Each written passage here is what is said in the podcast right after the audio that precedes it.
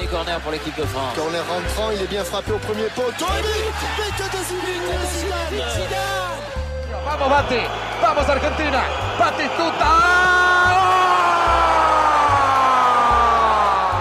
He's going to worry them again. It's a great run by Michael Owen, and he might finish it off. Oh, it's a wonderful goal! Frank de Boer speelt de bal. Heel goed naar Dennis Bergkamp. Dennis Bergkamp. Dennis Bergkamp neemt de bal aan. Dennis Bergkamp. Dennis Bergkamp. Dennis Bergkamp. Je déclare ouverte la 16e Coupe du Monde de football en France.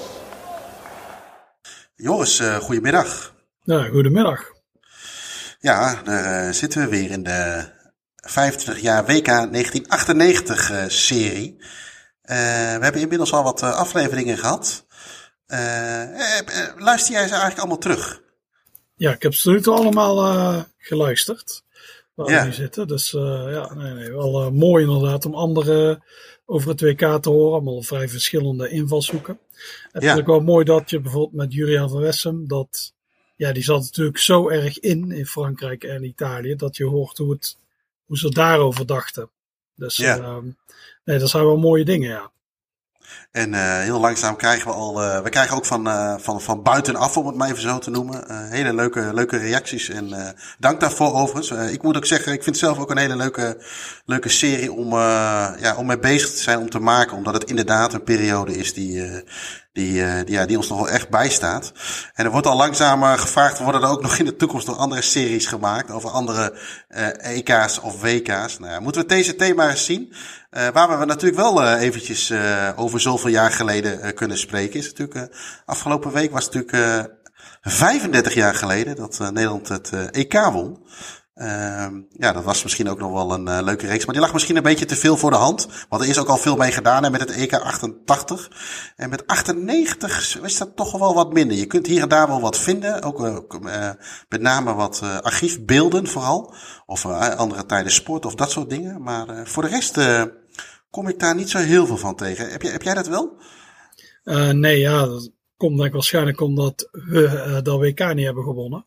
Maar ja. uh, hoewel 74 hebben we ook niet gewonnen. En daar is ook heel veel over te vinden. Maar uh, ja. nee, weken 98, misschien is ja, 25 jaar geleden. is natuurlijk al een hele tijd geleden. Dus, maar voor uh, ja, dat nog iets te kort geleden is of zo. Ik weet, ik weet het niet. Maar je kunt er inderdaad EK 88 kun je wel heel veel over vinden. Ja. Dus uh, bij EK 88 kun je wel iets. Uh, bijvoorbeeld, um, net als we nu doen, wij belichten ook alle andere landen. Ik ja. heb bijvoorbeeld toevallig van de week gelezen over uh, de Engelsen, over het EK 88. Maar die speelden eigenlijk best goed. Dan heb ik ja. achteraf, want ja, die, die verloren alles. Dus dat werd gezien als een mislukt toernooi. Maar als je kijkt, die wedstrijd tegen de Ieren waren ze bijvoorbeeld veel beter. En tegen Nederland-Engeland, dat was ook heel gelijk. Ging heel gelijk ja. op. Het is dat, ja. zij schoten twee keer op de paal onder andere. Het is dat Van Bast het helemaal op zijn heupen kreeg. Maar toen waren ze ook best goed. Alleen die laatste wedstrijd hebben ze het wel weggegeven. Maar uh, dat is eigenlijk, ondanks dat ze zoveel kritiek hebben, helemaal niet zo'n slecht toernooi. Wat Nee. zelfs iemand zei, eigenlijk speelden we beter op het EK 88 dan WK 90. Wat later zo legendarisch is geworden in Engeland. ehm. Ja, Alleen was de Ja. Kessel daar natuurlijk heel goed. Dus dat Ja. kun je ook. Je hebt natuurlijk in Ierland, daar is dat EK 88, het eerste eindtoernooi waar ze bij waren. Eh winnen van Engeland, wel allemaal met gasten die eigenlijk gewoon in Engeland zijn geboren. Maar ehm, nee, nee, dus je kunt best veel met het EK 88. Dus als we podcast rekenen, nou volgend jaar, EK in Duitsland, ik zie het haakje al wel. ja, je hebt, nu het, je hebt het idee er wel op straat gegooid natuurlijk. Maar eh iedereen, ieder geeft daar zijn eigen sausje natuurlijk aan. Dus Ja, ook, eh, dat is ook- kijk, het is ook niet zo. Als dat iemand het nu plagieert, dan gaan we er even langs. Hè? Vorige keer hebben we, dat wij elkaar hierover spraken, hebben het gehad over pool A, B en C. Waaronder in pool A Schotland zat. En afgelopen week bereikte ons een triest bericht over de bondscoach van toen, van Schotland. Ja, ja, ja, die is gisteren volgens mij overleden. Dus eh, gisteren is dan maandag de 26e. Dus ehm, Ja. ja. ja. het ging al even niet. Ja, zijn gezondheid ging al wel achteruit en zo. En hij is, ja, hij is dan. eh, ja, je merkt de Schotland wel dat hij heel toch wel eh, op handen wordt gedragen. Van heel Ja. veel berichten van. Ah, Want over wie hebben we het dan? Hoe, wie was Craig de bondscoach? Craig Brown, ja. ja. Ja. Ja, want hij heeft ze eigenlijk na een paar echt donkere jaren, heeft hij ze 96 gekwalificeerd voor het EK, 98 voor het WK. Dus dat is wel goed, maar eigenlijk een heel, heel matig team. Dus, en hij stond gewoon, ja, je hebt ook van die, je hebt wel bondscoaches gehad die ja, wel, wel, echt niks was of een beetje rare snuiters. Maar die Craig Brown was wel heel populair. Ook, de jeugd, bondscoach van de jeugd geweest, overal waar hij kwam. Niet echt een, -hmm. Ja, niet echt een, een nieuw lichter of zo qua voetbal. Gewoon een ouderwetse Britse bondscoach zou ik zeggen. Meer een people manager, zoals uh, Bobby Robson. Dus uh, nee, nee, populaire figuur. Uh, maar helaas overleden. En in hoeverre, ik weet niet, heb je daar wat van meegekregen, maar in hoeverre wordt er dan indirect ook teruggeblikt op dat WK in 98? Ja, dat komt wel langs. Vooral die eerste wedstrijd tegen Brazilië natuurlijk. Toen zij bijna een punt hadden gepakt. Dat komt toch wel, uh, vooral dat komt terug. En die wedstrijd tegen de, tegen de Engelsen op WK of EK 96. Oh ja, ja, ja. Met, die, met dat fantastische doelpunt van, van Gascoigne. Ja, dat was tegen Schotland, hè? En ja, Schotland ja. mist nog een penalty, omdat Uri Geller, die verplaatste die bal naar zijn gedachten. ja, waar was hij ook alweer op een gegeven moment fan van? Van welke club was dat? Ja, van Exeter. En toen haalde hij... Exeter. Uh, toen zou Michael Jackson langskomen, maar Michael Jackson wilde alleen komen als er zieke kinderen waren. Dus waren die zieke kinderen daar. En nu weten we eigenlijk van, oeh, dat is heel gevaarlijk. Dat is eigenlijk een ja, tak ja. binden. Ja, en dan zie je dan Michael Jackson Exeter rondlopen met een paraplu. Uh, natuurlijk een rare snuiter. dus ja. ja. Met de kennis van nu, hè? Dan komt er daar misschien binnenkort ook wel uh, nog wat naar buiten. Zal het niet zo ja, ja, ja. Uh, we hebben, ja, ik zei, pool A, B en C gehad. gaan we nu verder met, met pool D. pool D werd ook wel de pool des doods genoemd. vanwege de vier volgende landen die erin zaten. Nigeria, Paraguay, Spanje en Bulgarije. Nigeria was Olympisch kampioen, 96. Uh, Paraguay misschien een beetje de onbekende in die tijd, wellicht. Nou Spanje was altijd toch wel, nou, niet favoriet, maar toch altijd wel iets, een land wat zich wel kwalificeerde, maar dan op het toernooi, ja, wat, wat altijd eigenlijk wel tegenviel. maar toch altijd wel talentvolle spelers had. En Bulgarije was natuurlijk een, een verrassing vier jaar daarvoor in, in Amerika. ja, laten we even bij bij Nigeria beginnen, Joris. Uh, Olympisch kampioen 96. Uh, ik moet zelf altijd even denken, even een uh, Eagles sausje. Uh, Peter Roefai, gekiept in, in 94 op het, op het WK. maar Nigeria hebben wij als Nederlanders altijd wel een beetje iets mee, toch? Omdat die jongens toen nog best wel, zeker in die tijd, in Nederland voetbalden. Ja, ja, dat is zeker. Dit team ook. Je had uh, Sunne Olise en Babangida bij Ajax. Gabalawal ja. bij Roda. Ze hadden ook heel vaak uh, Nederlandse bondscoaches. Uh, Jo Bonfrère natuurlijk in 96. En ja, uh, ja de wat dubieuze Clemens Westerhof in 94. Dus ja. ja, er was wel altijd veel met die heren. En het was ook zo van... Ja, dit was het land, daar werd wel iets van verwacht. Ook van tevoren, deze pool. Je zei naar de pool des doods. Maar het was, ik heb nog even teruggezakt. Spanje was wel echt de favoriet vooraf. Bij de boekjes en alles. Weet je, oh, Spanje die gaat waarschijnlijk deze groep winnen. En dan, ja, dan zou ze zo in de kwartfinale moeten komen. Maar Nigeria werd ook gezien. Dat is toch wel verrassend. Uh, ze waren in 94 best goed geweest. In die pool met uh, onder andere Argentinië zat daarin. Ja. Daar hadden ze goed gespeeld. En natuurlijk in 94 won ze ook de Afrika Cup. En uh, in 96 hebben ze Olympische Spelen gewonnen. Ze hebben eigenlijk als de Afrika Cup in 96, 98 ook kunnen winnen. Maar ze, in 96 wilden ze niet komen. De dictator van Nigeria zei we gaan niet. Dus daarom werden ze in 98 geschorst voor, het, uh, voor de Afrika Cup. Dus daarom waren ze niet de houders. Maar uh, ja, er werd wel. Het was ook een goed team als je kijkt. Uh, die Nigerianen hadden echt voor alles. Je had Canoe en Taribo West bij Inter. Uh, ja. Jones bij Betis Sevilla. Of Betis ja. moet ik eigenlijk zeggen. Victor ja. Ikpaba van Monaco. Baba Yara zat bij Chelsea. Mijn favoriet, JJ Okocha, zat bij Fenerbahce. Dat uh, Amokachi bij Besiktas. Dus het was echt. Dat was best een goed team. Daar werd echt wel iets van, uh, van verwacht. Inderdaad, door, vooral door 96. Want toen hebben ze. Uh, in de halve finale versloegen ze toen Brazilië op de Olympische Spelen met 4-3. Als echt een goed Brazilië. Met onder andere Ronaldo en Bebeto in de spits. Dus Roberto Carlos speelde ook mee. Dus echt een goed team. Terwijl die Brazilianen namen de Olympische Spelen heel serieus. Want die hadden ze nooit gewonnen. Dus dit was nu hun kans. En toen verloren ze van die Nigerianen al finale. En die finale, dat is tegen Argentinië, ook een heel goed team. Hadden die toen met onder andere Crespo en Simeone. En die Ortega. Mm -hmm. En die versloegen ze ook met 3-2. Dus werd er gedacht, nou, we hebben toen, uh, we hebben Cameroen in 1990 gehad, de kwartfinale. Maar Nigeria, dat kan wel eens land zijn dat de halve finale gaat halen. Er wordt altijd gezegd, voor 2000, alle kenners zeiden toen, voor 2010 hebben we een Afrikaanse wereldkampioen. Uiteindelijk heeft het tot afgelopen toernooi geduurd voordat we een halve finalist hadden. Maar Nigeria van tevoren werd echt wel gezien als, nou dat zijn wel uh, kanshebbers. Dus deze eerste wedstrijd tegen Spanje, dat, ja. was ook meteen, dat waren eigenlijk de twee favorieten in deze pool. En daar werd wel, uh, daar werd wel naar uitgekeken.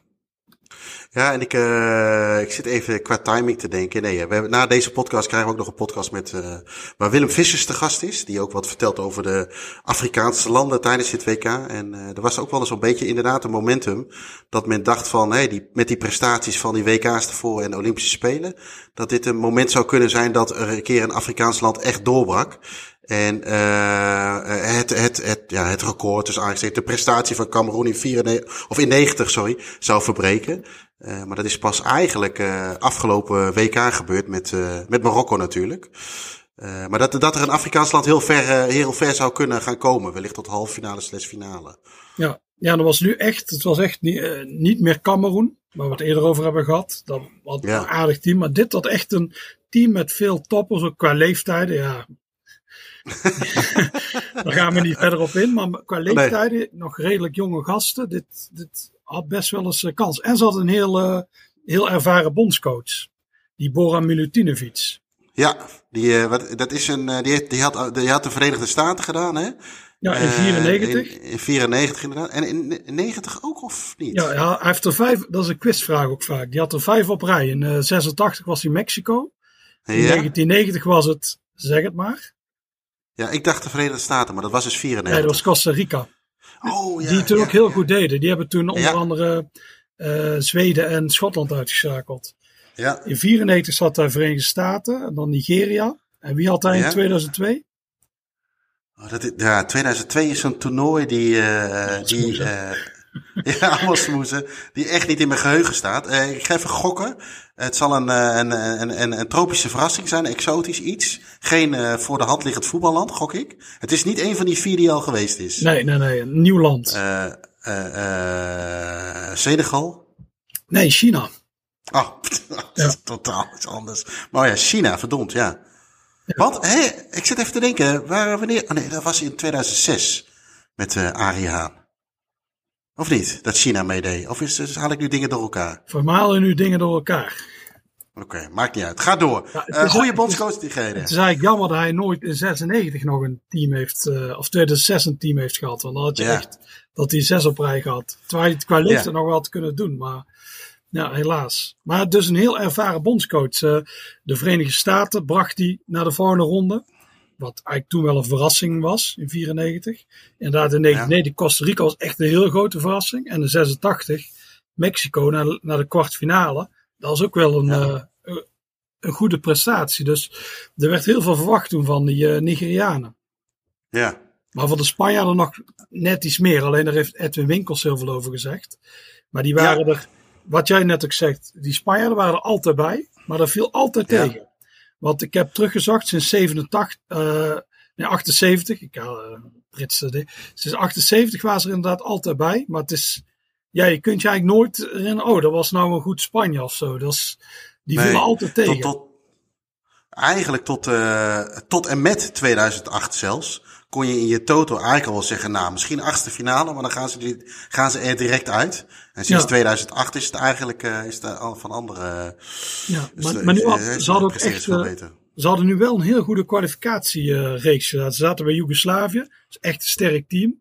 En uh, Tsjechië, ja. dus de, half, de finalist in 96 in de pool. Dus best een zware pool. Maar ze hadden uh, die tien wedstrijden, acht gewonnen, twee gelijk. Dus heel overtuigend gekwalificeerd. Dus En ze hadden Ja. ook eh, ja, jong talent, Raúl zat erbij. Je had nog allemaal die oude die gasten van het Dream Team van Barcelona zaten nog in. Je had natuurlijk Hierro, dus het was, het was echt een goed team. Alleen het probleem was een beetje de spits. Ik, ze hebben heel veel ge- geprobeerd. Ze hadden die Kiko. Volgens mij allemaal die Ja. in 92 op de Olympische Spelen hebben gespeeld. Ze hadden Alfonso van Betis en ze hadden Morientes. Dus het was een ze hadden goede spitsen. Alleen wie moest spelen, dat was niet helemaal duidelijk. Want het draaide allemaal om Raúl. Hè? Volgens mij heeft Edwin ja. Winkels heeft ook veel gezegd. Raúl bepaalde alles. Dus Ja. daar ging het over met wie hij ging spelen. Maar er werd, dit keer waren echt de verwachtingen. Nou, Spanje gaat die pool winnen. En dan spelen ze in de volgende ronde spelen ze tegen die nummer 2, die pool van Frankrijk.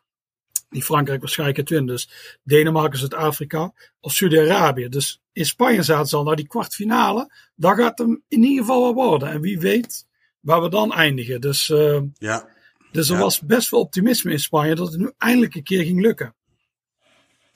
Nou ja, we hebben eh, in de podcast inderdaad met Edwin Winkels eh, gehoord hoe, hoe dat ging in deze pool. Eh, zullen we een kleine spoiler weggeven, jongens? Ja. Ze hebben het uiteindelijk niet gehaald. Eh, eh, ze verloren overigens hè, de eerste wedstrijd tegen Nigeria. Ja. Nigeria met, met, met 3-2. Eh, en, ehm, eh, maar even terug naar de andere eh, landen in, het, in die pool. Het derde land, ehm, Paraguay, of het derde land, ja, het derde land Paraguay.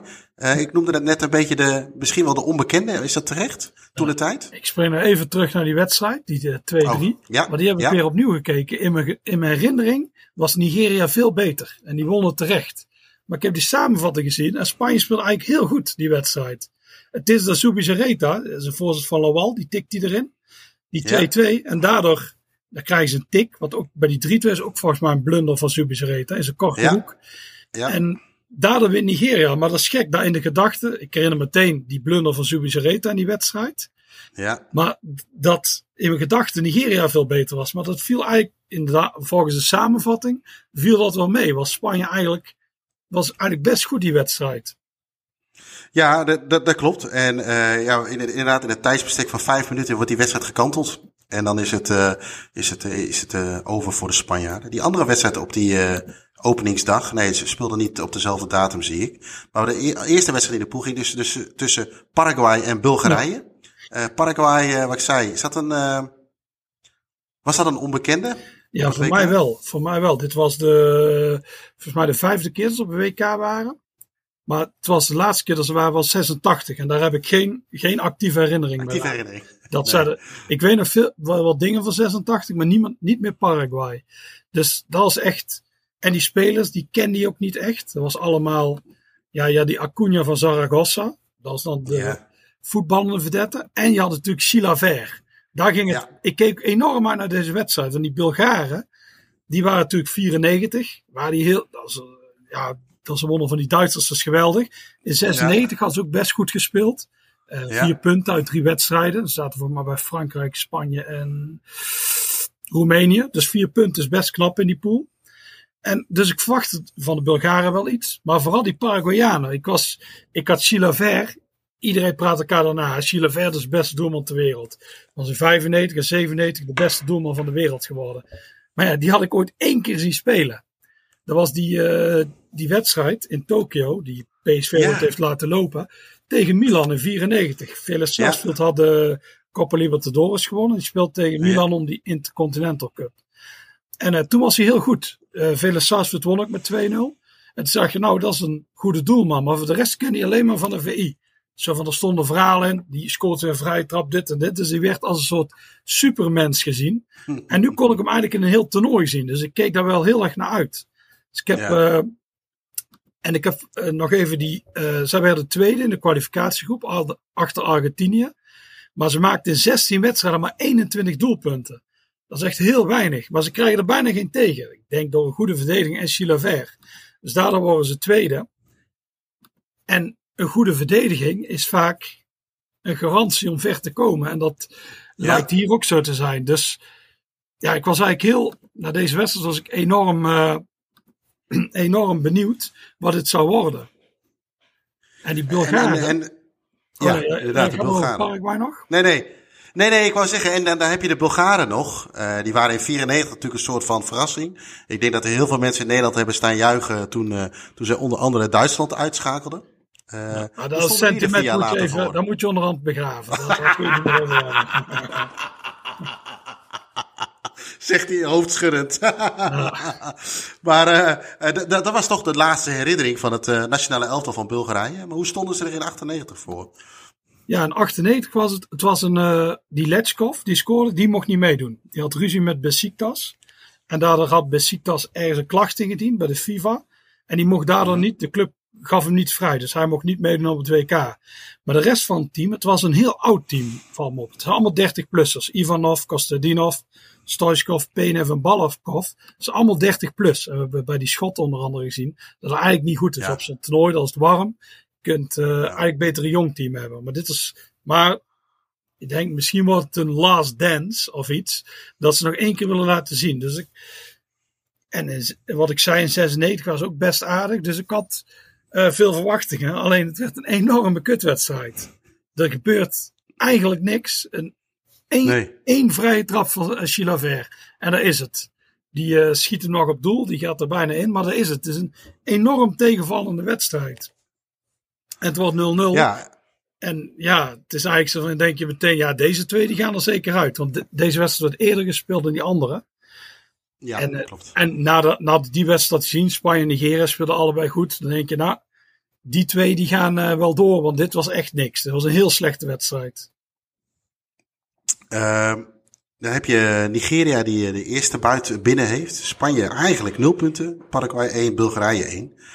Uh, die tweede speelronde is het uh, Nigeria-Bulgarije.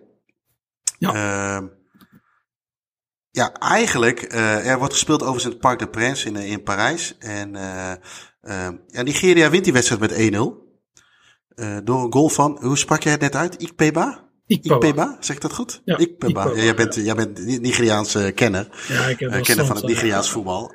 Ni- Nigeria, als ik die Eh. wedstrijd zijn ze ook echt, echt veel beter. Ik heb nog eh, Ja, een samenvatting zitten kijken. Van, alleen van JJ Okocha, die wedstrijd. Die is vier minuten. En je ziet hem continu terug. Hij scoort niet. Het is natuurlijk een heel erg. statistieke mannetjes vinden dat natuurlijk helemaal niks. Ik denk dat Pieter Zwart JJ Nee. Okocha verschrikkelijk vindt. Maar die truct, die speelt mensen door benen, maar het heeft weinig effect allemaal. En, maar ja, je ziet hem wel vier minuten eh, in actie. Dus hij, hij dolt al die Bulgaren. Ze hadden echt veel dikker moeten winnen. Alleen schiet, Bulgarije wel vlak voor tijd eh, nog een bal op de lat. ja. Dus dat had zomaar 1-1 kunnen zijn. Maar door die 1-0 is wel. Nigeria is door. Die hebben zes punten. En een Bulgaar op één. die, houden- of die, die hebben één punt. En die anderen moeten tegen elkaar. Dus Nigeria weet al zeker dat ze door zijn. En ja, dat is natuurlijk eh, eigenlijk wat eh, de Dark Horse eh, doet. Wat eigenlijk een beetje de kenners ervan verwachten. Nigeria die gaat door en wint waarschijnlijk de pool. Dus eh, de Ja. weg naar de kwartfinale ligt open. En, en zo'n eh, zo'n Okocha wat je zegt. Eh, vroeger was alles beter en mooier. eh, maar dat was wel een kleurrijke speler. Op, eh, meerdere, meerdere vlakken. Maar die had je natuurlijk best wel veel dat WK. Hebben we dat soort spelers nu nog? Die, ik kan wel goede voetballers opnoemen. Maar ook zo kleurrijk als hij dat je zegt van trucjes. Maar leuk om te zien, maar niet echt efficiënt. Nou, ik vind vooral het Afrikaans voetbal is echt heel saai geworden. Die hadden vroeger altijd, hadden net over Marokko. Maar ja, waar je van Marokko herinnert, dat is die Amrabat. Zo'n verdedigende middenvelder. Dat is, dat is Ja. geen leuk. Ja, Het Marokko in 98 was heel leuk om te zien. Maar dat Marokko van 2022 was niet om aan te gluren. En eigenlijk al die, ja, al die Afrikaanse landen vielen maar weer tegen. Het lijkt of die spelen allemaal heel, ja, nu gedisciplineerd of verdedigend en zo. En eh, ja, de, echt, de franje is er wel wat uit. Je hebt natuurlijk nog steeds heel goede voetballers. eh, ja, Messi, Nee, nee, maar. maar- En ja. ze hebben die, maar echt van die attracties bij de kleinere landen, die zijn wat, wat meer eh, verdwenen, denk ik, is mijn gevoel. Zo'n, eh, ja. inderdaad, waaronder een Okacha, eigenlijk een speler die, ik denk dat heel veel van die, ja, je hebt nu heel veel eh laptop trainers, die gruwen daarvan. Want die, ja, het heeft helemaal geen effect eigenlijk. Maar het is wel leuk om te zien. En voetbal is ook vermaak. hè? Nee. Ja, nou ja, is ook entertainment. Uh, uh, je kun je, uh, het, het, moet een beetje, mag ook een beetje geromantiseerd worden of romantiek zijn, wat dat betreft. En daarvoor kijk je natuurlijk ook. in, die, in die tweede speelronde had Spanje de eerste nederlaag al te pakken, dus die moesten eigenlijk winnen van, van Paraguay. Ja. Maar ik had niet het, als ik ook naar de statistieken kijk tot aan toe, had ik niet het idee dat het een heel succesvol ronde tot dan toe zou worden voor Paraguay. Want ja, die wedstrijd die eindigde in in Saint-Etienne in 0-0. Hoe, wat voor wedstrijd was het? Ja, die wedstrijd is. Spanje weet dat moet winnen. Die weten Nigeria heeft zes punten, is door. Ja. En kan gewoon de laatste wedstrijd met een B-elftal spelen. Mm Tegen Paraguay. Dus om alles in eigen hand te houden, moeten ze winnen. Anders blijft Paraguay één punt voorstaan. Dat proberen ze. Maar Paraguay, uh, ja, die, die, die verdedigen gewoon heel goed. Die Chilaver is weer onpasseerbaar. Uh, neemt weer eens een keer een vrije trap op doel. Die gaat er helaas voor hem niet in. Maar dat was echt zijn doel om een keer te scoren op een WK. En uh, ja, het blijft eigenlijk 0-0. De tweede keer 0-0 voor Paraguay. Dus Paraguay is niet echt voor uh, de liefhebber. Nee. Dat is op zijn zacht gezegd. Maar in Paraguay zijn ze blij. Die weten, hey, twee punten. Winnen van Nigeria B. En we zijn gewoon door. Ja, en we schakelen Spanje uit. De oude kolonisator. Want Nigeria B noem je al. Hè, de laatste speelronde wordt altijd gelijk gespeeld. Gelijktijdig, zo moet ik het zeggen. Was het Nigeria-Paraguay en uh, Spanje-Bulgarije. En eigenlijk zou Nigeria dan moeten winnen van Paraguay en Spanje hun ding moeten doen tegen Bulgarije. Dat was een beetje het, uh, het scenario. Ja. ja, dat is het idee. Maar Nigeria, die, er wordt veel gewisseld. Ze hebben dan wel Taribo West en Babagida, Olysee. Jekini en Canu, die spelen allemaal mee. Finidi Jaws valt nog in. Dus het is geen zwak team, maar het is wel niet het, het eerste team. Nee. En je hebt er net genoemd, die Peter Roefai. Die hangt het clowntje uit. Al in de eerste minuut hangt hij het clowntje uit en scoort Paraguay voor het eerst. Dat is 1-0. Ja, Ayala. En ja. Hij, die hele wedstrijd lijkt dit helemaal kwijt. Hij maakt heel rare, rare fratsen. Nigeria speelt overigens helemaal niet slecht. Het is, ze krijgen best wel kansen. Alleen Chilavert stopt veel uiteindelijk maakt Nigeria, die maakt wel uh, de 1-1. En die proberen, die wil eigenlijk drie wedstrijden gewoon winnen, negen punten. Die krijgen we kansen, maar Ver houdt ze echt door de been. Dan, uh, ja, maar Rufai blijft gekke dingen doen. Tot 2 voor Paraguay en die 3-1 is ook echt weer een blunder van hem. Volgens mij staat hij ergens buiten de 16 meter en verliest de bal of geeft de verkeerde paas. Ja. En het wordt 3-1 en uh, Paraguay is door. En het maakt eigenlijk niks, niks uit wat er in die laatste was gebeurd. En uh, ja, het is feest in, uh, in Paraguay. Ja, uh, want die, die, die, wedstrijd maakt niks meer uit. Maar toch even kijken naar die wedstrijd die niks meer uitmaakt. Spanje-Bulgarije. de eerste keer eigenlijk misschien dat Spanje scoren op journalistiek technisch aan haar verwachtingen voldoet. Ja, ja, ja, het is ook mede door echt een heel zwak Bulgarije. Ja. Jero en Mori uh, Luis Enrique, die scoren heel snel, dat wordt het 2-0. Dan is het voor, na rust is het heel snel uh, Morientes die 3-0 maakt. Maar ja, zij kijken heel angstig naar, naar die andere wedstrijd. Want daar staat op dat moment 1-1. En dan zijn ze door. Maar ja, het is continu zijn ze daarmee bezig. Uh, Bulgarije scoort wel een keer. Kostadinov.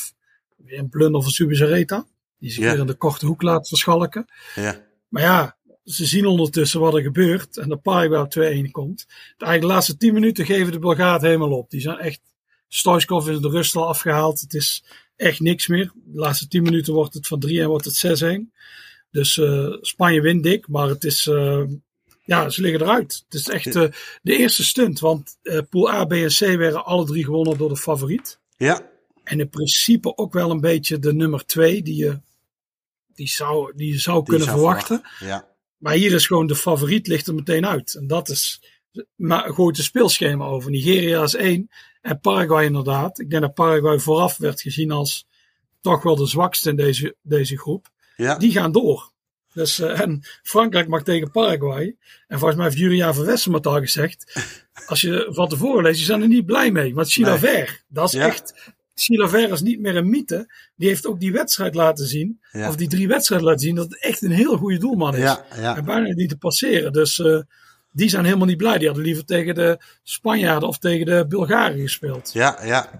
Uh, over Spanje-Bulgarije werd gefloten door Mario van der Ende. die we ook nog in, later in deze reeks terug zullen horen. Onder andere ook over die wedstrijd Spanje-Bulgarije en de andere wedstrijd die hij floot. bij Spanje was het overigens de laatste interland van de door jou net genoemde Zubizarreta. Uh, ook ruim 120 interlands. Ik doe het even uit mijn hoofd. Uh, maar vooral uh, ja. bekend ook wel van het, voor mij dan, het team van Barcelona met onder andere Ronald Koeman. Dat hij daar, dat, dat hij daar op het hok stond. Maar hij, floot zijn, ja. of hij speelde zijn laatste wedstrijd. Ja. Ehm, ja, dan hebben we de pool, pool D gehad. Gaan we naar een pool E. een hele bekende pool. Want daarin zat het, het Nederlands elftal. Uh, die hebben we, uh, uh, die belichten we dan ook nog uit straks later in deze reeks met een van de spelers, Pierre van Hooydonk. die schuift, schuift aan in deze, aan de, in deze podcast en vertelt ons ook even hoe het, hoe het met het Nederlands elftal toen ging. er waren natuurlijk wat, wat kleine incidentjes en wat dingen die nog, ehm, ja, hoe zeg je dat? Even afgehandeld moesten worden vanuit het EK van ervoor. Uh, Seedorf die nog een penalty miste in de Poerza, terwijl eigenlijk andere mensen hem hadden moeten nemen. Had je nog het uh, verhaal met, uh, met Patrick Kluivert, hè, of die wel of niet mee moest vanwege zijn privé-omstandigheden. Ja. Allemaal ouderwets Nederlands elftal gedoe van tevoren. maar ook, maar dat zullen jullie later ook nog wel horen als luisteraar, is toch een hele hechte groep. En ook iedereen die ik hier omheen vraag van, uh, wat was dat nou eigenlijk voor selectie? Was het gewoon een hele goede, goede, goede selectie waar uh, Hiddink een goed ding deed? En ik zei um, toevallig ook nog tegen uh, iemand anders die straks in de podcast nog terugkomt.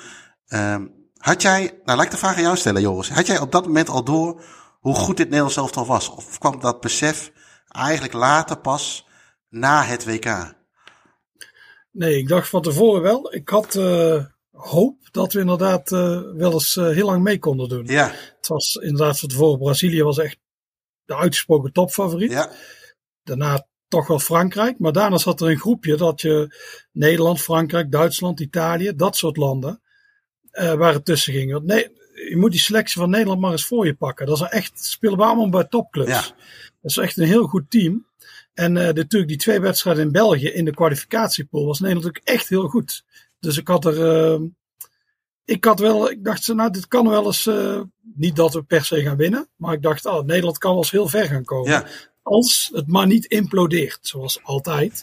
dus. Uh, als dat niet gaat gebeuren, kan het uh, best ver komen. Ja. Dus ik had er van tevoren wel wat uh, vertrouwen in. Ik had ook thuis een uitshirt gekocht. Niet bij Accentsport, maar gewoon bij Intersport in Tilburg. Ah, jammer. Dus, uh, dus ik had er zin in, in het WK. En uh, ja, dus uh, go ja, goede selectie. Ook Nederland is ook van tevoren in deze pool. Ja, die zou Nederland wel gaan winnen. Ja. Dat is de verwachting. En dat moest ik wel, want anders moest je de volgende ronde tegen Duitsland. Ja. Die, dat was de pool waar we gekoppeld waren. En die zouden een andere pool wel winnen, was de verwachting. Dat gebeurt ook. Ik ga het alvast weggeven. Maar uh, nee, dus uh, nee, dat werd wel verwacht. Zeker wat ik net zei, die openingswedstrijd tegen de Belgen. Ja. ja, die twee keer zo dik verslagen. Dat zou geen probleem moeten zijn. Zuid-Korea, ja, zou ook wel moeten. En Mexico eigenlijk ook wel. Ik was een 9 uit 3 zou niet gek zijn. Nee, want uh, als je 9 uit 3 noem je dan, maar als je achteraf kijkt uh, naar uh, de eindstand in die pool, gaan we nog niet verklappen. Maar zat het lijkt het toch heel erg dicht bij elkaar gezeten te hebben. Ja, maar dat is echt geflatteerd. Ja, ik heb nu de samenvattingen weer gekeken. Nee, dat Nederland maar één wedstrijd van die drie wint, dat is echt onbegrijpelijk. Dat is echt, uh, ze waren echt goed. Ik was uh, vergeten ook hoe goed ze tegen die Belgen waren. Ja, want dat wilde ik, daar wilde ik naartoe. Kijk, Nederland-België was onze eerste wedstrijd. Uh, in de Stade de France. Gefloten door uh, Pierluigi Collina overigens. wie kent hem niet. Maar dat staat altijd als eerste bij, is natuurlijk die rode kaart van, uh, van Patrick Kluivert. Uh, met het incident met, uh, met Stalens. nou ja, ieder geval een, bekend verhaal, denk ik, voor de, voor de, voor de luisteraar van deze podcast. Maar, maar ik zat, la, ik zat ook eventjes nog in te lezen. En Nederland was gewoon echt, en ik hoorde het van andere mensen ook, was echt gewoon heel goed in die wedstrijd. Ja, ja je hebt zo, je hebt zo in, in 94 was het ook tegen de Belgen. En dat was veel meer gelijk gelijkwaardig. En dat idee had ik ook een beetje, oh 98, Nederland kwam er niet zo doorheen. Maar dat is niet zo. Nederland is echt heel goed. Ja. Ze speelden België helemaal van de mat. Dus dat net zo goed, net zoals in die twee kwalificatiewedstrijden, een 3-0 of zo kunnen zijn. Dat gebeurt niet. Maar uh, ja, het was wel dat spel gaf wel meteen reden voor optimisme. Ja, ja. En, en uh, wat wist jij overigens van de andere tegenstanders buiten België om? Op dat moment? Uh, ja, die waren eigenlijk allebei vrij onbekend. Ik zal beginnen met uh, Zuid-Korea. Ja. Want al die. ja, Zuid-Korea was eigenlijk een beetje een vaste, de vaste Aziatische gast. op het WK. Die, net zoals jij in deze podcast. Ik moest hem even maken. Ik moest, ik moest hem even maken. Dus ja, ze hadden zich al, ze hadden zich al voor de vierde keer op rij gekwalificeerd. Ook Ja. heel overtuigend. Die pool, die wonnen ze met zes punten voorsprong op Japan bijvoorbeeld. Die andere, ja, twee groepen in Azië, die andere was veel, alles veel dichter bij elkaar. Dus ze winnen hem overtuigend. Het is al, het is zelfs de vijfde keer in totaal dat ze er zijn op het WK. Alleen het enige probleem is, ze hebben nog nooit de wedstrijd gewonnen. En die Zuid-Koreanen, die vier jaar later zouden zij het WK organiseren.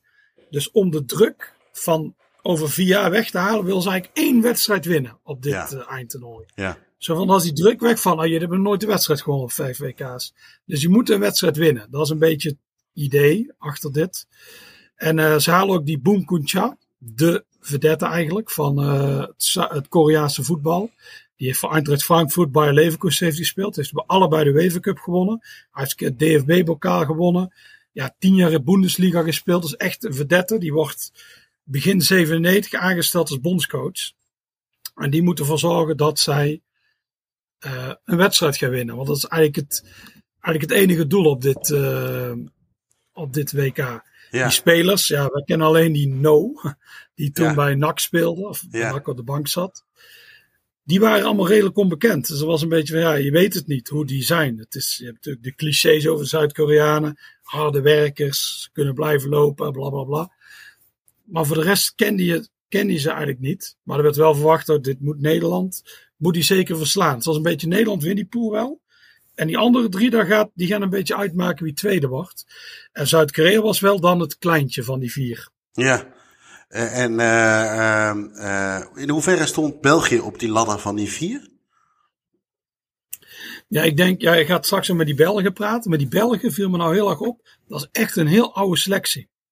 Dat is, die Belgen waren, ik denk, ja, die waren, die waren echt over de hill. Die eerste wedstrijd tegen Nederland, ik heb ze opgeschreven, speelden zij met De Wilde, Stalens, Verstraten, Balkemans, Van der Elst, Beaufin en Niels. Die zijn allemaal boven de 30 op dat moment. Ja. Dus zeven man boven de 30. En dan heb je ook nog Wilmots en Oliveira.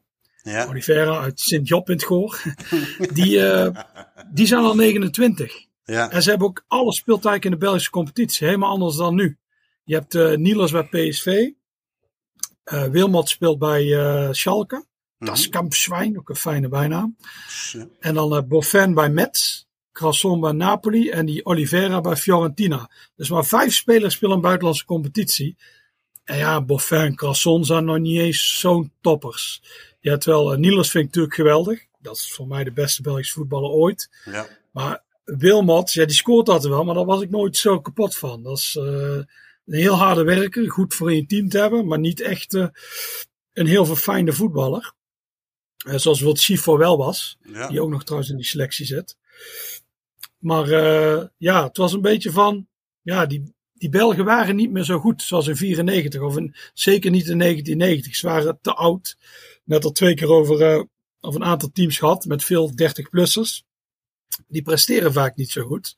En eh, dat zal later ook wel blijken. Dus eh, ja, maar ik dacht wel uit deze pool was België wel tweede. Ja, omdat je die Mexicanen niet zo goed kende. ja, mooi bruggetje. Want hoe goed kende jij die Mexicanen? Niet zo goed dus. Nee, ja, je kent alleen Jorge Campos, Ja. die eh, doelman. Ja. En die vond ik eigenlijk helemaal niet zo goed. Dat is anders dan Chilaver. Chilaver was echt een goede doelman. Campos een beetje En een Campos clown. een heel- dat is een clown, ja, een clown. Met zijn shirts was hij een clown, dan ging hij mee voetballen, dat mislukte wel eens. Ja. En hij was vrij klein voor een keeper, had wel goede sprongkracht. Ja. Maar dat is niet zo. eh, alleen degene van tevoren, je had er twee spelers, die werden toen al aangemerkt.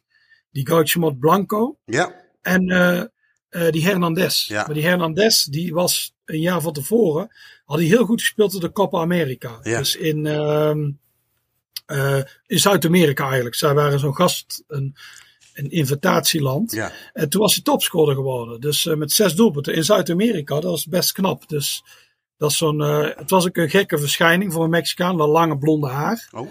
En ja, ik denk dat opa Hernandez er iets aan, ik denk dat die Heinrich heet of zo. die is er even vandoor gegaan in, vij- in 45.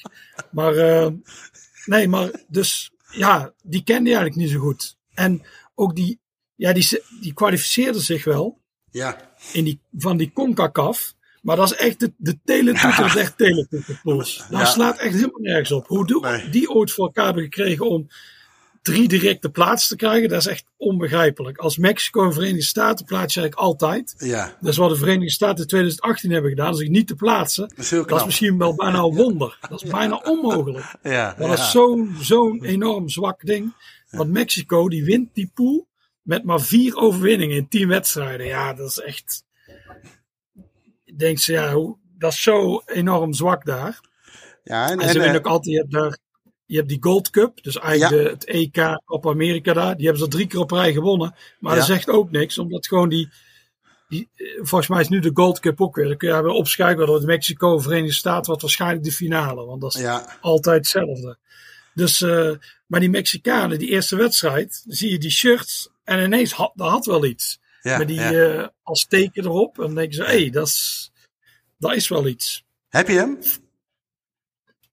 De, de Ja, ik heb ze allebei. Die, die zijn wel van Accentsport. Oh, en hoe ging dat toen?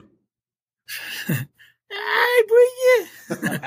ik heb iets leuks voor jou! En toen had hij die shirts met die Azteken dingen. Maar wel, dat is wel, eh, eh, die- dat zijn wel hele gave shirts. En Zeker als je hem toen de tijd hebt opgepikt. Dat is helemaal eh, prachtig natuurlijk. Maar die, die Ja, dat Hernandez, zijn nu dat zijn echt klassiekers, ja. ja, maar die Hernandez die maakt het eigenlijk dus ook wel meteen waar in die eerste wedstrijd, toch? Ja, ja eigenlijk allebei. Het is, eh, ze komen met 1-0 achter. Zuid-Korea komt op 1-0. Ja, Eh, de man die de 1-0 scoort, die krijgt drie minuten later een rode kaart.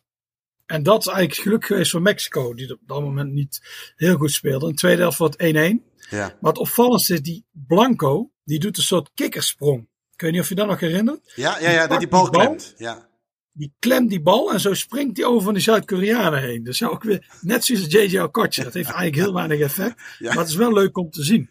ja jij brengt het nu overigens wel. Hij springt over die Koreaan heen, alsof de gemiddelde Koreaan 1 meter, onder een meter groot is, zeg maar. Ja, ja, ja. Die, dat zijn geen grote mannetjes. Nee, nee, nee, nee. Nee, nee maar inderdaad. Maar, eh, mag het officieel trouwens? Is het niet gewoon klemmen? Ja, v- volgens mij mag het tegenwoordig niet meer. Nee, hè? Ik weet het eigenlijk niet. Heb, dan had je aan Mario van den Ende moeten vragen. Eh, ik zit even te denken of ik, ik... Ja, goed, je kent mijn geheugen. Ik weet eigenlijk niet of ik het hem gevraagd heb. Maar dat eh, zullen we volgende week eh, even Misschien kunnen komen we nog op terug dus. Ja, misschien ja. Eh Maar, drie maar dat, dat is heel op, ja. Ja, Maar dat is inderdaad opvallend. En die Hernandez maakt inderdaad twee doelpunten. En ehm, daarmee zet die Mexicanen meteen een reuzenstap. Hè? Want Ja. het is, eh, ik zei, die zijn meteen groeps, eh, die zijn meteen koploper in de groep. En eh, ja, dat was ook wel, het was ook leuk om te zien. Die Mexicanen, eh, fris voetbal, zoals ze dat noemen. ja. Nederland gaat met één punt die tweede speelronde in. Eh, de Mexicanen inderdaad met drie. De eerste wedstrijd in de tweede ronde is België-Mexico. Ehm, ja, eigenlijk voor België wel een soort van must win. Of in ieder geval niet verliezen. Ja. Als je met één punt eh, begint. Ja, nee, nee, dat is zo. De Belgen moeten, eigenlijk moeten deze winnen. Want ja, om, of, ze, of ze moet echt de laatste wedstrijd aankomen. Het is een belangrijke wedstrijd inderdaad voor ze. Eh, Ja. Er zijn wel wisselingen, maar ze spelen nog steeds met allemaal dertigers. En ze Schiefer komt erin, die is 32 dan. Dus het, maar eh, het gaat eigenlijk best goed. Wilmot scoort twee keer, ze komen op 2-0. Ja, En er lijkt niks aan de hand. En dan Gertje Verheijen uit Hoogstraten. Die eh, bekend is van de Dancing the High Street. Eh, die, eh, ja, ik heb de overtreding nog een keer gezien. En heb jij hem ook gezien? nee, Die hij maakt in het stadsgebied. nee. Ja, ik vind het eigenlijk niet zo rode kaartwaardig. Maar hij krijgt een rode kaart. Dus hij krijgt een rode kaart. De Belgen komen tien man. En Mexico krijgt de strafschop. Dus eigenlijk is het, het is enorm dom om dat te doen. Met 2-0 Want ineens, er is niks aan de hand. En je geeft die Mexicanen ineens een numerieke meerderheid en een strafschop. En die strafschop gaat erin. Ja, dan is het ineens bal. Dan, eh, de, dan zien die Mexicanen, hey, ze we hebben een kans. Ja, en uh, dus eigenlijk mogen Mexicanen helemaal niet zeuren over makkelijk gegeven penalties. Of is het gewoon een Nee, nee, nee. nee. Uh, twee, nee. Ja. En die, die Blanco die maakt nog de 2-2. Dus het is niet alleen die kikkersprong die hij doet. En uh, ook nog, uh, Mexico had, ook, had, uh, heeft ergens in de eerste helft een rode kaart gehad. Dus er stond ja. België staat 2-0 voor tegen 10 man. Dus het enige wat je dan als coach moet zeggen, maar niet uit wat je doet, maar geen rode kaart pakken. Voor de rest kun je alles doen, geen rode kaart pakken. Ja. Ja. En dan gebeurt er gewoon dit. Maar dan zullen die Belgen, het, jij zult straks met de Belgen wel over hebben. Maar dat is gewoon, dat is zo dom. En ja. wordt 2-2. En ineens Mexico 4 punten. En België maar 2. En die knijpen ons later, die dag Nederland, stel Nederland met Zuid-Korea, dan begint het wel heel penibel te worden. Ja, nu denkt de luisteraar natuurlijk, winnen wij van Nederland, of winnen wij als Nederland van Zuid-Korea? En hoe, eventueel? Ja. Nou ja, Nederland speelt eigenlijk weer heel goed. Zonder een spits, maar Bergkamp terug. Ja. Ja, nee, die spelen gewoon inderdaad echt heel goed. Uh, kan de doelpunten maken. Cocu, Overmars, Bergkamp, Van Hooydonk, Ronald de Boer, die trouwens heel goed speelde. Ja. Die, uh, ja, het was gewoon 5-0. Het is echt een slachting. Het is, Nederland speelt nog beter dan tegen België. En nu vallen de doelpunten wel in. Dus uh, het is uh, ja, indrukwekkend. Dit is die wedstrijd dat ik naar de rand, dat wij in ons oranje shirt in België friet gingen halen en werden aangehouden door de Belgische politie. dus ja. Nee, nee, dat is echt goed. En met die ineens Nederland komt er ook op vier punten. En heeft natuurlijk het doelsaldo ineens heel goed. Dus eigenlijk is Nederland is wel door naar deze wedstrijd. Ja. Um, de laatste speelronde is op 25 juli 1998. Uh, laten we even met de, met de, met de, de Belgen beginnen. België-Zuid-Korea. Uh, ik zit even, ja, eigenlijk ja, deed het er allemaal nog toe? Ik zit even snel te denken, ja, voor de Belgen ja, ja, ja. iets. Hè? België, als België ja. met drie doelpunten verschil wint, zijn ze door. Ja. Dan maakt de andere wedstrijd echt niks uit. Nee. Want ze nee. hebben twee punten. Dus, uh, en uh, als ze winnen, komen ze gewoon op vijf. En die anderen kunnen ook allebei op vijf komen. Maar ja. Mexico heeft plus twee op dat moment. Dus als ze met 3-0 winnen, dan, uh, dan zijn ze sowieso door. Het is ook heel snel komen ze op 1-0. Niels, heel mooi doelpunt. Ja. Gek dat Niels altijd zo onderschat is in België. Ja. Want die, ja, die is gewoon heel goed. Die schiet ook uit. Die schiet ook nog een keer op de lat. En ja, eigenlijk is het gewoon een kwestie van doorzetten. Maar dat, dat lukt niet echt. Overigens heeft Zuid-Korea op dat moment al een andere bondscoach. Ja. Dat Boonko Cha is pleiten. Die wordt ook voor vijf jaar geschorst door Zuid-Korea. Is later teruggedraaid. Maar uh, uh, Zuid-Korea komt nog op 1-1. En die pakken de punt. En uh, ja, dat is einde verhaal meteen voor de Belgen. Wat er ook gebeurt in een andere wedstrijd, die wel op hetzelfde moment is. Maar ja. ja. tegenvallend toernooi voor de Belgen. En dan uh, kun je achteraf misschien zeggen, maar zo ging het natuurlijk niet, omdat die wedstrijden gelijktijdig inderdaad gespeeld werden. Maar zou, ging Nederland-Mexico eigenlijk om wie de poolhoofd, of wie de groepswinnaar, zo moet ik het zeggen, groepswinnaar zou worden. Ja. Nee, nee, dat klopt. Het is, en Nederland is weer, speelt weer heel goed, die wedstrijd. Ja. Dat is, ze komen, Nederland komt vrij snel op 2-0. En die krijgen ook volop kans op 3-0. Cocu schiet nog een keer op de lat. Ja, ja die 3-0 valt niet. En het laatste kwartier wordt het nog 2-1. En uiteindelijk weer die Hernandez maakt de 2-2. Ja, maar dat dus, was wel een uh, beetje een poedel, die 2-2, hè? Ja, ook nog, ja. Ja, ja wat vlak, volgens mij vlak voor tijd krijgt de Mexicaan een rode kaart.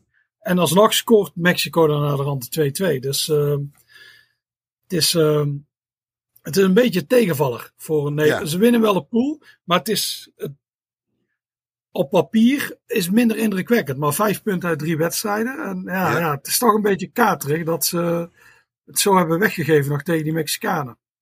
Ja, en dat is dus Nederland 1, Mexico 2 op vijf punten allebei. België met drie punten op derde plek. En uh, Zuid-Korea gaat met uh, één punt in de, in de zak naar huis.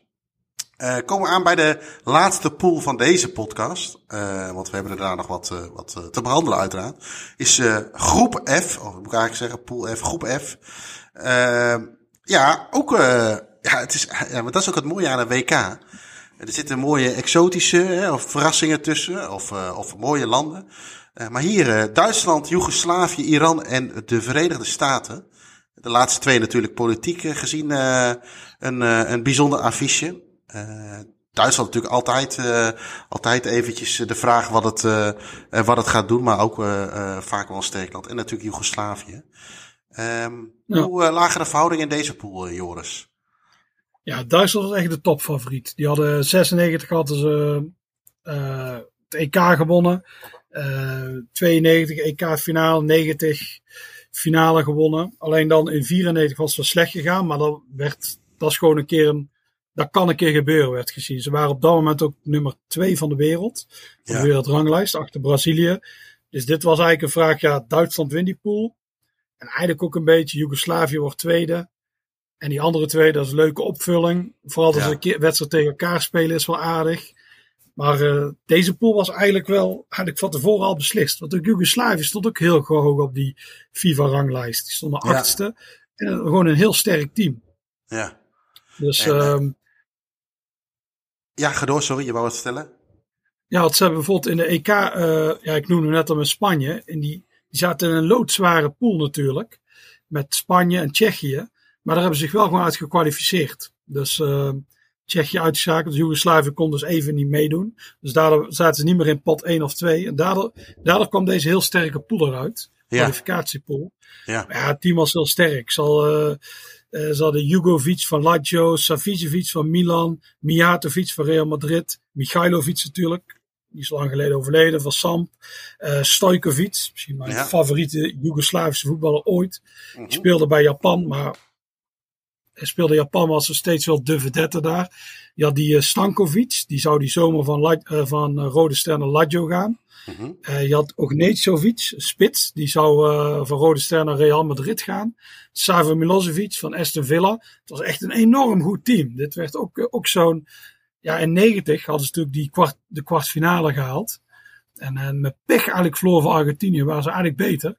Maar dit team was ondanks dat het uit elkaar was gevallen, dat spelers voor Kroatië speelden zo, was eigenlijk niet zoveel slechter. Er werd ook wel gedacht van, nou, dit kan wel eens iets worden. En het was vooral heel belangrijk voor beide landen. Zij hoopten eigenlijk te stunten tegen Duitsland. Ja. Want allebei de landen wilden Nederland ontlopen in de laatste acht, uh, bij de laatste 16. En uh, dus dat was de kwestie van die pool winnen. Dus dit is echt gewoon een ja, enorm sterk elftal. Duitsland en Joegoslavië echt, echt de topfavoriet in deze pool. Met Duitsland natuurlijk als ja, de grote favoriet. Grote die werd ook gezien ja. als een van de WK-favorieten. Uh, die eerste speelronde, uh, Joegoslavië en Iran, die openen het, uh, het toernooi voor deze, voor deze groep. in uh, Saint-Etienne. Joegoslavië wint die wedstrijd met 1-0 tegen Iran. Wat was Iran voor voetballand? Of wat toen de tijd? ja, het is, Iran had zich net, dit is eigenlijk al mooi. Iran plaatst zich pas voor de tweede keer voor het WK. De eerste keer is in 78, dus in die pool zaten met, uh, met Nederland. Er is ja. nou een heel mooie FC Knutten trouwens. Heb je die wel eens gezien? FC Knutten naar Argentinië? Nee. Daar, wordt, uh, daar speelt Nederland, speelt tegen Schotland, Peru en Iran. En dan wordt die Iran als een soort. Uh, de, dat die strip nog niet gecanceld is, ook heel gek. Want die worden als een soort gekke geloofsmafkezen neergezet en zo. Dus, uh, maar nu plaatst zich weer, maar ze had zich maar net geplaatst. Ze werden tweede in de pool. Ja. Uh, dus de eerste, destijds nummer één plaatst zich automatisch. Dus het was, uh, die gingen, in ene was Saudi-Arabië, was deze pool. En de andere is Zuid-Korea natuurlijk. Ja. Dus nummers twee speelden tegen elkaar, Japan en Iran. Ja. Japan wint dit en gaat ook naar het WK. Maar Iran krijgt nog een herkansing tegen de beste team van Oceanië. Dat is in dit geval Australië. En uh, die wedstrijd, het wordt 1-1 in Teheran. Dus terug, we gaan naar Melbourne. En in principe is het uitdoelpunt nog dubbel. Hè? Ja, ja, ja. Australië is de kans hebben om zich ook voor de tweede keer ooit te plaatsen voor het WK. De eerste keer was in 74, tweede keer. Nou, het staat, deze wedstrijd heb ik gekeken. Die kwam op Eurosport met Frank Kramer. Het staat 2-0 voor Australië. En Frank Kramer die zegt op een gegeven moment: Dit gaat Australië nooit meer uit handen geven. Nooit meer. Ik, zeg, ik zal nog sterker zeggen, als Australië dit uit handen geeft, mag u op mijn kosten naar een pretpark. Nee, niet alleen u. U mag mee, uw partner, opa, oma, kinderen, broers en zussen. Roept hij om. Wat gebeurt er als je jinxt? We weten het allemaal. Ja. Ja, dan, uh, uh, dan uh, ja, ben je de Sjaak, toch? Het gaat helemaal mis na deze Ja. uitspraak. Ja. Het wordt 2-2 en Iran gaat naar het eh, WK. Het mooie is, 150 mensen sturen een brief naar Eurosport. Die zeggen, hey, die Frank Kramer zegt Oh dat ja? ik... eh, ja. Het mooie is, Frank Kramer neemt 150 mensen mee. Er zijn 150 mensen die zich aanmelden. Die neemt hem mee naar Duinrel. Dat is echt schitterend. Schitterend, Echt schitterend. Zijn daar ook beelden van? Dat weet ik niet, dat weet ik niet. Het is, Ja. Ja, die Frank Kramer is natuurlijk een heel mooi figuur. Dus ja, Ja. dat hij dit doet. Maar ook dat hij zijn afspraak nakomt. Ja. Dus ja, en Iran die had wel eh, dat eigenlijk wel mogen betalen, die Ayatollahs. Want konden die uitspraak van Frank Kramer dat ze doorgaan. Ja, ja, ja, ja, ja. Maar de Iran, daar plaats ik maar net. En je kent Ali Dai heb je daar. Ja, Die, eh, die heel lang eeuwige topscorer is. ja, Ze hebben een Bagheri. Die, speelt, eh, die Ali Dai speelt bij ehm eh, Bielefeld. En die Bagheri ook. En dan heb je nog een speler van Keulen. Azizi, die andere spits. oh ja. ja. Maar de rest was, dat is een heel onbekend team. Allemaal ze in Iran en zo. Dus eh, daar hebben we niet veel van verwacht. Maar dat ze tegen de Verenigde Staten moeten, dat lag op dat moment enorm gevoelig. Werd ineens wel heel interessant voor eh, iedereen. ja. Maar je zag meteen die eerste wedstrijd tegen de Joegoslaven. Ja, die won Joegoslavië. Die winnen met 1-0 uiteindelijk. Dus niet eens zo heel overtuigend, maar die waren wel een stuk beter. Het is, eh Michailovic maakte 1-0. Maar het is eigenlijk nooit echt. Ja, ik heb nooit gedacht toen van. Ja, dan gaat Iran winnen. Dus eh, het is eigenlijk wat er wordt verwacht. Deze wedstrijd is al meteen beslist. Maar bij Iran zijn ze vooral bezig met die tweede wedstrijd. Tegen de Verenigde Staten natuurlijk. Ja, want voordat we bij die wedstrijd komen, heb je nog eh, eh, Duitsland tegen die Verenigde Staten waar je het over hebt. Die trappen ook voor hunzelf het toernooi af. Ja, Duitsland Europees kampioen. Eh, maar toch al wel een team wat een beetje verouderd was, toch of niet? Is in 98. Ja, het is net zoals eh eigenlijk inderdaad de Belgen, de Schotten, die ik net allemaal noemde. Ja, Het is een oud team. Het is een, eh, ze speelden de eerste wedstrijd met acht dertigers. jeetje. Er zitten allemaal gasten bij die wij nog kennen. Zoals Olaf Teun, Jurgen Keuler, Reuter, Thomas Hessler, Muller, Klinsman. Het is allemaal al eh, 30 plus. Dus Ja. echt een oud team. Dus er is niet eh, doorgeselecteerd als het is. Maar wat ik net zei, ze staan tweede op de wereldranglijst. Het is Duitsland. Het is gek hè, die Duitsers zijn nu heel die, het is helemaal weg. Dat, die onder, dat ze nu twee keer eh, op rij meteen in de poolfase zijn uitgeschakeld. Maar destijds hadden we dat gevoel niet hè. Nee, het zijn nee. de Duitsers, die komen altijd verder. Dus het was veel teams wel bij grote clubs. Ze hadden zich ook, eh, ja, het EK hadden ze gewonnen. Ze hadden gekwalificeerd als groepshoofd in een best eh, eh, zware pool met Ja. Oekraïne. Die waren Ja. tweede geworden. En Ja. Portugal werd derde. Ja, Dus, eh, dat was mooi. Portugal plaatst zich niet. Dus, maar uit die pool hebben zich of groep gewoon geplaatst. Het werd, ja, het is niet een heel leuk team om te zien, maar het was iedereen. Duitsland is er altijd bij geweest, behalve in 1930, omdat toen heel veel Europese landen wilden niet. En in 1950, omdat de ene Adolf voor heel veel koekenbak had gezorgd, Ja, ja, werden, ja. ze niet uitgenodigd. Toen lag Duitsland nog eh waren een beetje gecanceld. Maar voor de rest is Duitsland er altijd bij. Eh, ze zijn op dat moment al drie keer wereldkampioen geworden. Eh, ja, als je terugkijkt, 90 gewonnen, 86 finale, 82 finale, eh 74 kampioen. Dus het is echt, ja, Duitsland is een beetje. Wij keken toen van, oeh, Brazilië, dat zat heel sterk. Maar die de rest van de wereld, als ze naar Europa keken, was, is Duitsland het, het land van Europa. Ja. Dus, eh, ook, ondanks dat wij dat niet leuk vinden dan. Maar Nee. dat was gewoon, werd als een sterk team gezien. en eh, ja, daar kan die Verenigde Staten, die hebben daar natuurlijk eh, vooraf gezien geen kans tegen. Nee, uiteindelijk wordt het ook, ook eh 2-0. Eh, doelpunten van Muller en Klinsman. Ja, veel Duitse krijg je ze op dat moment niet. Ook qua namen niet. Eh ja, Verenigde Staten heeft, eh, heeft niet zoveel eh, ja, wat dat betreft eh, eh, in te brengen, denk ik. Maar wat, wat Verenigde Staten nu, moet ik altijd denken aan ja, gasten die eh een topsportmentaliteit hebben. Hè, altijd tot het gaatje gaan. eh, altijd eh, waar maar één ding telt, winst. Eh, voetbal stond toen natuurlijk in de iets andere schoenen. Hadden net het eh, de WK van 94 natuurlijk meegemaakt. En de hele aanloop ernaartoe. Eh in hoeverre was eh, voetbal in de Verenigde Staten in 98 al een ding? Ja, het begon wel aan te slaan. in uh, 1990, ja, dat hebben we in die Vinchero podcast, uh, toen was het vooral zaalvoetbal. Ja. Toen deden er zelfs zaalvoetballers, dat was echt gewoon een, een toeristenelftal. Maar in 94 was het al wel wat geprofessionaliseerd. Ja. En dat, dat zij uh, doorgingen in die groep. Onder andere uit Colombia, dat was een van de kanshebbers, werden uitgeschakeld. Ja. Begon het wel wat te leven. En het is vooral populair natuurlijk bij de Latino's. Uh, in de Verenigde Staten. Dus uh, het voetbal leeft wel. De MLS was opgegeven. Dat vinden wij natuurlijk een vreselijke competitie. Maar die had ook het niveau omhoog gebracht. Er zaten wat Ja. spelers in het buitenland. Voor die Ja. doelman daar, die Casey Keller, speelde bij Leicester. Ja, zie de tweede kijken. doelman, Brad Friedel, zat bij Liverpool bijvoorbeeld. Ja. Ernie Stewart zat in eh zat bij NAC toen. Claudia Reina speelde in eh, Duitsland. dus wat spelers waren in Europa gaan spelen. Dus het was geen, het was geen carnavalselftal. Dit was Nee. best een redelijk elftal. Er werd bijvoorbeeld ook voor dat zij wel van Iran zouden winnen. Maar Duitsland is natuurlijk nog wel echt een categorie te hoog. Dat blijkt ook. Duitsland wint 2-0. Eh, eigenlijk is Verenigde Staten kansloos. En eh, eigenlijk na één wedstrijd is deze pool al beslist. Na de eerste speelronde. Ja, geen verrassingen. Dat is dan Nee, wel. geen verrassing. Nee, want eh, de tweede speelronde. We spelen de twee favorieten dan, hè, zo gezegd. Tegen elkaar. Duitsland en Joegoslavië in, eh, in Lens. Uh, scorebordjournalistiek technisch weer. Laat ik dat term er maar even uitgooien.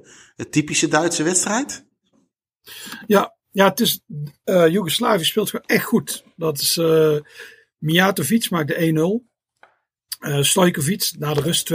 Er is eigenlijk, er is eigenlijk eh, weinig aan de hand. De Joegoslaven lijken verrassend dit te gaan winnen. Eh, Duitsland die zet, eh, die 2-0 is overigens een enorme blunder van Kupke.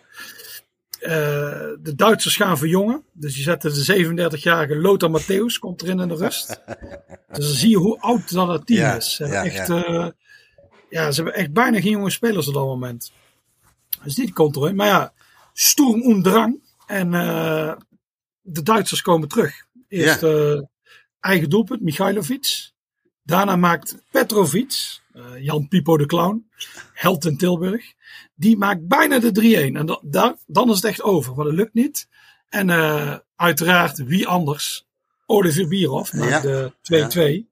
Ja, En uh, ja, en ze verliezen en het, ja, het wordt gelijk. Dus uh, de Duitsers zijn nog steeds in pole position om Nederland te ontlopen. Je hebt ook een moment, ik weet niet of je dat nog herinnert, dat Michailovic, die spuugt in de bek van die Jens Jeremies. Ja. Dus als er VAR was geweest, zou die ja. gewoon zijn uit. Dat is heel ranzig. Ja. Als Jens Jeremies zo'n klootzak okay. dat, dat ik er weinig medelijden mee heb.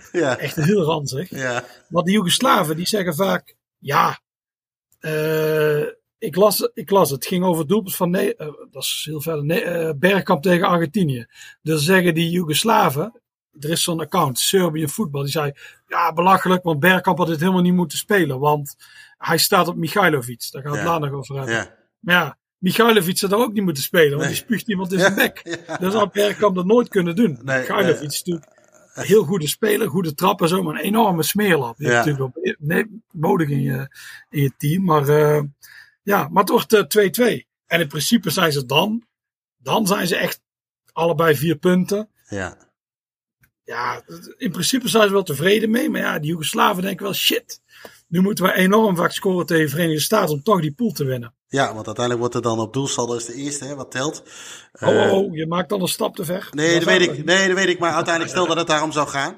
Uh, ja, maar je hebt eerst... weet nie, niemand weet dat Nederland de rond tegen Joegoslavië speelt. Oh nee, nee, nee, stom. Nou, nu. Ja, ja, ja. Nee, nou, of, of niet. Uh, een tweede wedstrijd in die tweede speelronde is uh, ja, de, de Verenigde Staten tegen Iran. ja. Hoe beladen was dat? Ja, heel, het wordt uh, door, in de Verenigde Staten wordt het de mother of all games genoemd. Dus omdat dit, ja, uh, ja, er zit zoveel politiek omheen. Er is natuurlijk allemaal sinds die Shah is afgezet en die Ayatollahs daar zitten, ja, is er, is er een enorme haat tussen uh, de Verenigde Staten en Iran. Ja. En uh, ja, dus dit, dit is zo politiek. Het is ook in principe van tevoren, uh, ik geloof dat de Verenigde Staten is team A en Iran is team B. En team B moet naar team A lopen om ze handen te geven. Maar de Ayatollah, Khamenei, die zegt, dit gaat niet gebeuren. Dit gaan jullie niet doen. Desnoods speelt die wedstrijd niet. Ja. De FIFA gaat bemiddelen en draait ze om. De, de Amerikanen moeten naar die Iraniërs lopen. Ja. Nou, dat gebeurt. Die Iraniërs, die hebben dan ook iets van, die zijn zo vredelievend. Die hebben, die hebben allemaal bosjes witte rozen. Een soort vredessymbool. Die geven ze dan aan die Amerikanen. En dus eh, spelers poseren ook samen. Dus dat is allemaal, eh, allemaal, allemaal liefde en zo. En dan begint die wedstrijd. Ja, vooral voor de Iraniërs staat natuurlijk heel veel op het spel. Ja. Want als je daar verliest, dan krijg je gezeik thuis. Ja. Voor die Verenigde Staten leeft het iets minder, omdat voetbal is wel populair, maar niet de eerste sport. En, eh, maar de Verenigde Staten krijgen de eerste grote kans, bal op de paal. Maar eh, uiteindelijk is het Iran dat op 1-0 komt. Ze komen ook nog. En dan blijft heel lang 0-1. Ja. Dus, eh, maar ik geloof vijf minuten voor tijd maakt Iran de 0-2 en is het wel eh, beslist. Verenigde Staten die maakt nog een keer maakt nog de 2-1, maar dat is Ja. niet genoeg. En Iran, Iran wint deze wedstrijd. En na de rand zegt de verdediger ook van de Verenigde Staten, die, die zegt ook, wij hebben in deze 90 minuten meer aan, vredes, aan vredesonderhandelingen gedaan dan de politici in 20 jaar. Het is ook, een jaar later komt Iran ook, die speelt een terugwedstrijd in Los Angeles. Waar heel veel Iraanse diaspora komen kijken naar die wedstrijd. Dus het is, het is niet, het is ook geen onsportieve wedstrijd of zo geweest. Nee. Maar in nee. Iran is het natuurlijk wel even feest, omdat Ja. ze deze wedstrijd hebben gewonnen.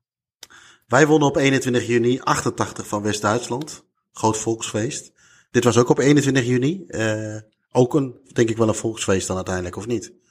Ja, al waren die Ayatollahs er helemaal niet blij mee, want het feest werd gevierd en eh, ze zetten ook overal politie op straat, religieuze politie. Want na die overwinning tegen, of die gelijkspel tegen Australië, waren er op een gegeven moment vrouwen deden hun hoofddoek af. Er werd openlijk alcohol gedronken, dus dat was allemaal wat ze niet wilden. En ze waren heel bang dat het weer ging gebeuren. Het is op sommige Ja, plekken wel gebeurd. ja. Maar eh, ja, het was eigenlijk, ik denk dat die Ayatollahs het liefst een gelijk spel hadden. Dus daar hadden ze geen gezichtsverlies, maar er waren ook niet zulke vreugde eh, scenes geweest. En dat gebeurt nu, ja, dat gebeurt nu wel. Dus eh, eigenlijk zijn ze niet zo blij. Maar Iran maakt hier dan nog wel een kans. Ja, Want als, dan... zij, als, zij, als zij van Duitsland winnen, ja. dan halen ze Duitsland weer in. En dan eh, gaan ze uiteindelijk door. Eh, en voor eh, het laatste speelronde staat er inderdaad Duitsland-Iran. Eh, duidelijk wat beide ploegen moeten doen. En Joegoslavië moet eigenlijk zoveel mogelijk scoren tegen de Verenigde Staten. Ja, wat gaat nu inderdaad? Iedereen gaat ervan uit dat Duitsland en Joegoslavië winnen. Maar het gaat er puur om, ja, om het doelsaldo gaat het nu. En ehm Joegoslavië begint heel goed. Die scoren al na vier minuten, de 1-0. Ja. Ja, Zijn ook wel beter, maar er eh, valt geen tweede meer. Dus eh, stel Duitsland wint de wedstrijd, dan wordt Duitsland groepshoofd. ja, ja, stel. En wat gebeurt er? Ja, die winnen. ja, ja, oh nee. Met, eh, met 2-0 van Iran. Eh, bekende namen weer op het scorebord. Eh, Ja, Bierhoff en Klinsman. Heeft Iran een kans gehad om te winnen van Duitsland in de Ja, wedstrijd? Duitsland is eigenlijk niet zo extreem goed deze wedstrijd. Maar eh, Nee. het gaat niet heel soepel. Maar Iran heeft eigenlijk niet echt een, een kans gehad om dit te winnen. Het is altijd. Nou, deze pool is eigenlijk precies zo. Waar we net over. Of, eh, die pool van Spanje is enorm verrassend geweest. Ja, Maar deze pool is eigenlijk precies zo gegaan zoals iedereen had verwacht. Eigenlijk Ja, zijn er opvallend weinig verrassingen tot nu toe geweest. Alleen inderdaad dat Spanje eruit ligt. Maar de rest Ja. heeft overal het land wat je verwacht gewonnen. ja, En is in principe, de nummer twee was nooit echt zo uitgesproken. Bijvoorbeeld bij Me- Mexico of België had allebei kunnen worden. ja, Maar eigenlijk is alles is zo gegaan zoals werd verwacht. Alleen Spanje ligt eruit. ja. Nou ja, dat is eh, denk ik een mooie cliffhanger, Joris, voor, eh, voor Ja, de... want wat voor- gebeurt er in die laatste twee pools? Wat gebeurt er in groep G en groep H? In groep G zitten eh, Roemenië, Engeland, Colombia en Tunesië. En eh de laatste pool groep H. eh, Argentinië, Kroatië, Jamaica en Japan. Potentiële kwartfinalisten van Nederland. Nou ja, de podcast zal, zal eh, het leren wie dat, wie dat wordt. Ja. Joris, mag, ik, mag ik jou bedanken voor, voor het bespreken van, van deze drie groepen. En eh, wij eh, spreken elkaar eh, volgende week weer voor de laatste twee. En dan gaan we dan ook al hebben over de, de, de, de, de En dan laatste doen we de laatste 16 meteen. Kijk, kijk, die kijk. Pak ook meteen mee. Ik ben heel benieuwd. Tot volgende week. Bedankt voor het luisteren naar deze aflevering. Vergeet niet op deze podcast te abonneren om op de hoogte te blijven voor nieuwe afleveringen. Vragen, tips of opmerkingen over de podcast kunnen gestuurd worden naar podcast.staantribune.nl. En voor vragen over boeken en magazines verwijzen we jullie graag door naar www.staantribune.nl.